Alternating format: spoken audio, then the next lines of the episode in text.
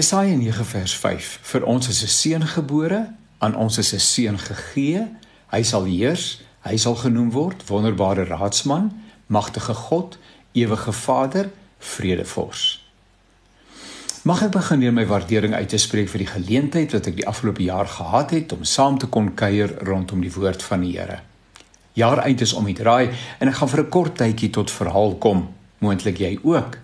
Maar mag die Kersboodskap jou dra, inspireer en toerus vir jou taak en roeping in hierdie wêreld. Die onbaatsigtige wyse waarop Jesus sy posisie in die hemel, sy plek in die hemel prys gegee het, homself verneder het, ja volledig gegee het, inspireer ons om ewenigs te streef na 'n lewe van oorgawe en diens. Die boodskap van Kersfees, ja, liewer Christusfees, word toenemend verduister. Musiek wat min met die koms van die verlosser te doen het, word luidrigtig in inkopiesentrums gespeel. Kersaanbiedinge van allerlei aard is aan die orde van die dag. Dit word ook die silly season genoem. Hoe hartseer tog. Uiteraard gaan die lewe voort met sy tientale uitdagings en geleenthede, of dit Kersseisoen is of nie. Dis nie asof ons skielik op 'n verlengde retreat gaan en ons net op die boodskap van hierdie seisoen kan fokus nie. Ons moet die gebeure wat daarmee verband hou integreer en uitleef elke dag, elke oomblik. Ons doen dit oral waar ons onsself bevind. Ons doen dit met nederigheid en liefde, net soos die voorbeeld wat Jesus gestel het. Een sentrale boodskap wat met Kerstyd te doen het, is die van vrede. Die engele het God se vredesryk aangekondig. Maar van vrede is daar min sprake in ons tyd. Die prys vir vrede is reeds betaal 2000 jaar gelede.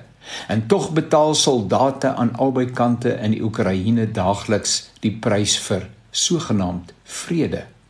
Wat 'n onnodige en 'n hartseer toedrag van sake. Die oorlog waarna ek verwys is maar een gestalte van onmin en stryd in ons dag. Mense betaal op verskillende maniere vir 'n vrede wat nie volhoubaar is nie.